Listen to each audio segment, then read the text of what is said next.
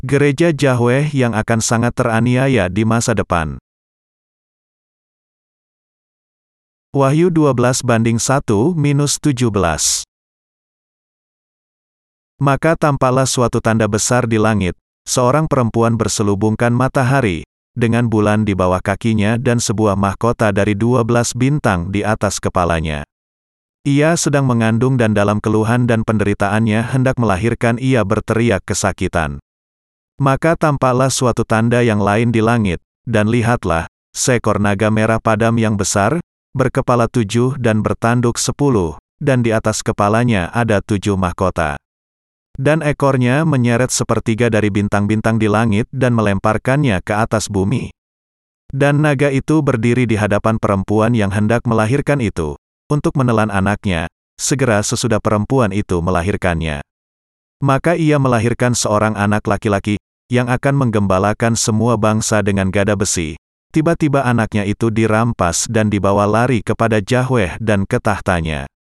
Perempuan itu lari ke padang gurun, di mana telah disediakan suatu tempat baginya oleh Yahweh, supaya ia dipelihara di situ 1260 hari lamanya.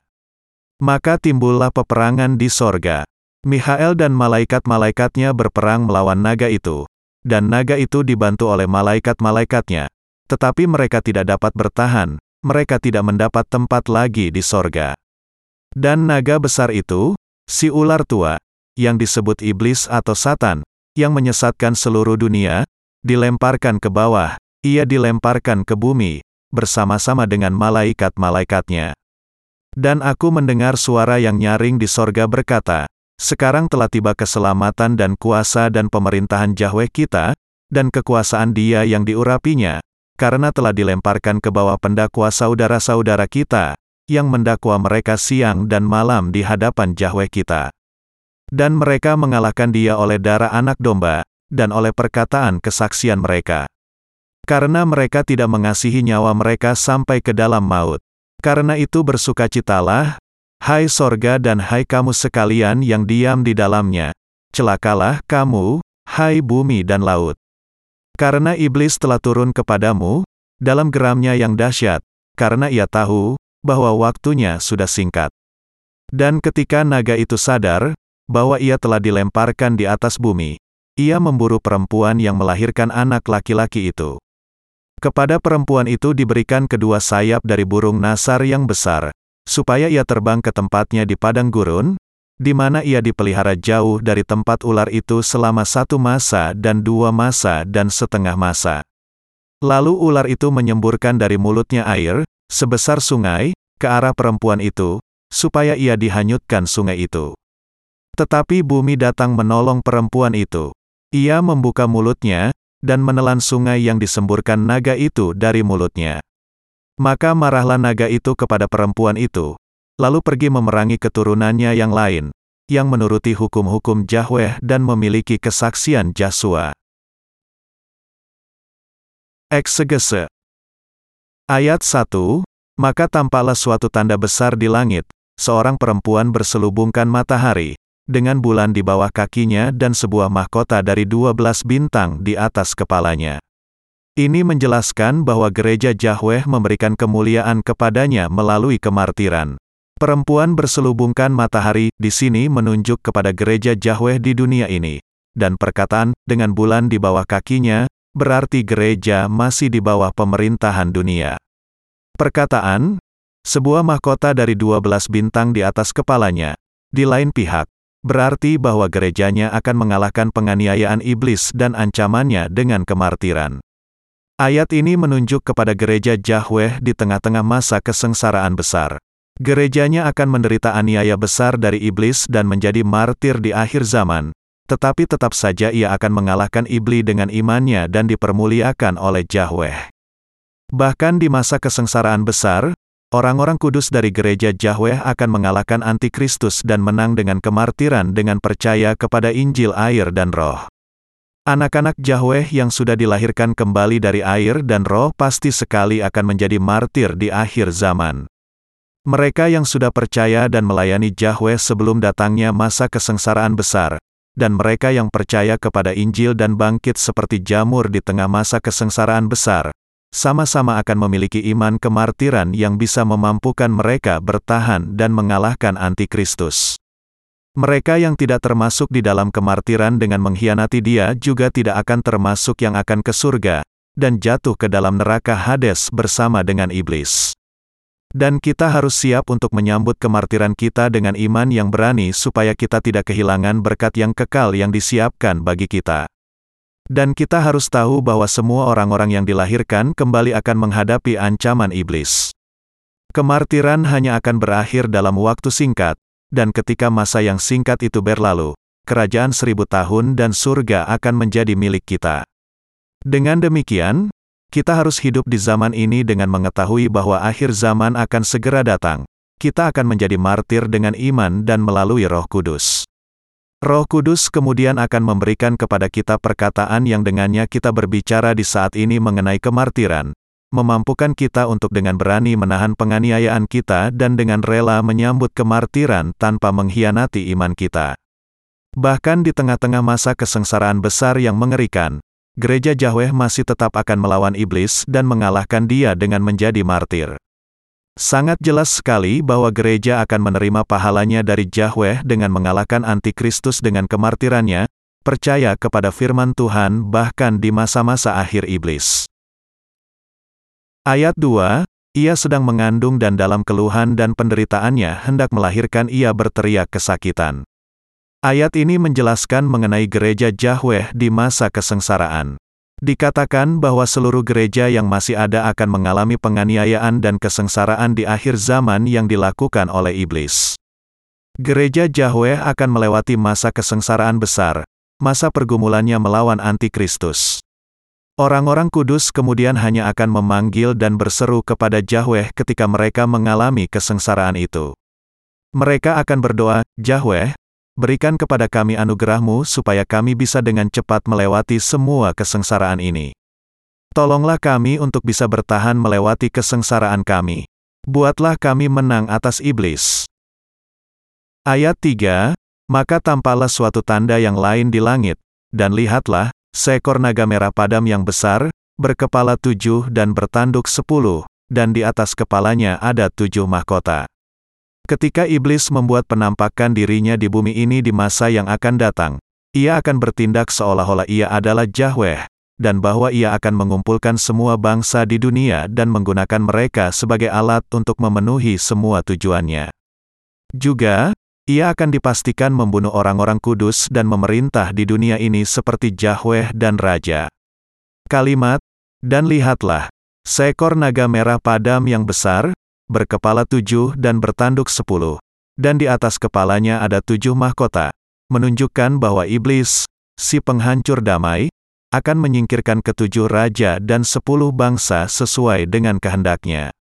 Dikatakan di sini bahwa iblis, di dalam hakikatnya yang sebenarnya, pada dasarnya adalah melawan Yahweh. Ayat 4, dan ekornya menyeret sepertiga dari bintang-bintang di langit dan melemparkannya ke atas bumi. Dan naga itu berdiri di hadapan perempuan yang hendak melahirkan itu, untuk menelan anaknya, segera sesudah perempuan itu melahirkannya. Ayat ini menjelaskan apa yang dilakukan iblis. Naga itu kemudian melawan Yahweh di surga dan dilemparkan keluar dari sana. Ia menarik sepertiga jumlah malaikat yang di surga ke pihaknya dan memimpin mereka menuju kepada kebinasaan bersama-sama dengan dia.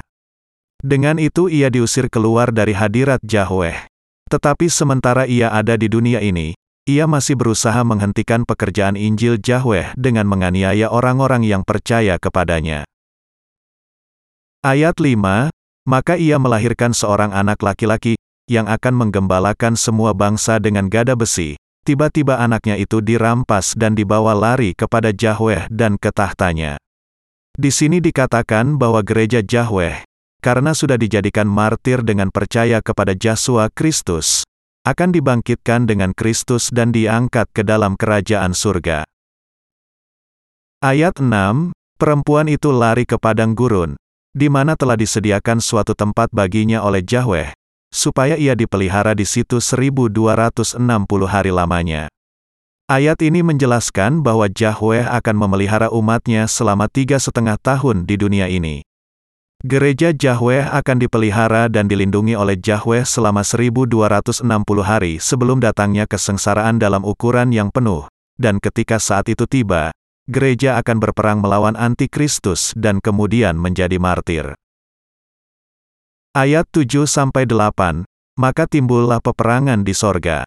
Mihael dan malaikat-malaikatnya berperang melawan naga itu, dan naga itu dibantu oleh malaikat-malaikatnya, mereka tidak dapat bertahan, mereka tidak mendapat tempat lagi di sorga. Hal ini menunjuk kepada iblis yang sepenuhnya diusir dari surga. Sebelum datang ke dunia ini, iblis akan dilemparkan sepenuhnya dari surga. Si jahat tidak lagi bisa berdiam di dalam surga. Iblis, yang memiliki kuasa di kerajaan angkasa, duduk di angkasa dan di bumi serta memerintah di sana pada saat ini. Karena ia sudah sepenuhnya dilemparkan dari surga, di bumi ini ia menganiaya orang-orang kudus semakin gencar pada hari menjelang datangnya akhir zaman. Tetapi iblis kemudian akan dilemparkan dan kemudian diikat di lubang yang tanpa dasar dan neraka yang disiapkan oleh Yahweh. Ayat 9, Dan naga besar itu, si ular tua, yang disebut iblis atau satan, yang menyesatkan seluruh dunia, dilemparkan ke bawah, ia dilemparkan ke bumi, bersama-sama dengan malaikat-malaikatnya.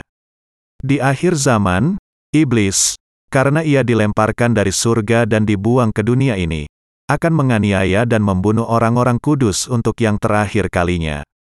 Banyak orang-orang kudus yang akan menjadi martir di tangannya.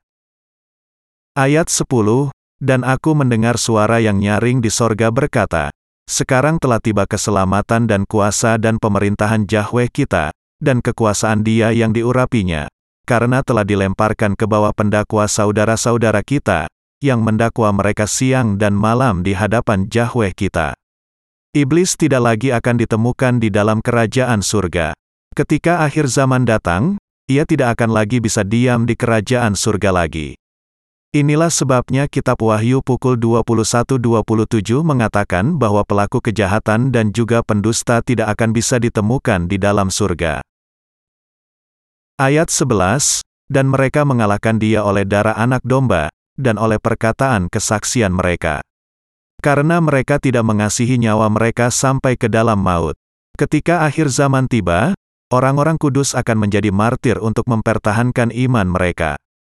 Siapa saja yang termasuk orang kudus akan mencapai kemenangan dari iman mereka melalui kemartiran imannya di akhir zaman. Para martir yang percaya kepada Tuhan, dengan kata lain, akan menang di dalam peperangan mereka melawan diri mereka sendiri. Ayat 12, Karena itu bersukacitalah, hai sorga dan hai kamu sekalian yang diam di dalamnya, celakalah kamu, hai bumi dan laut.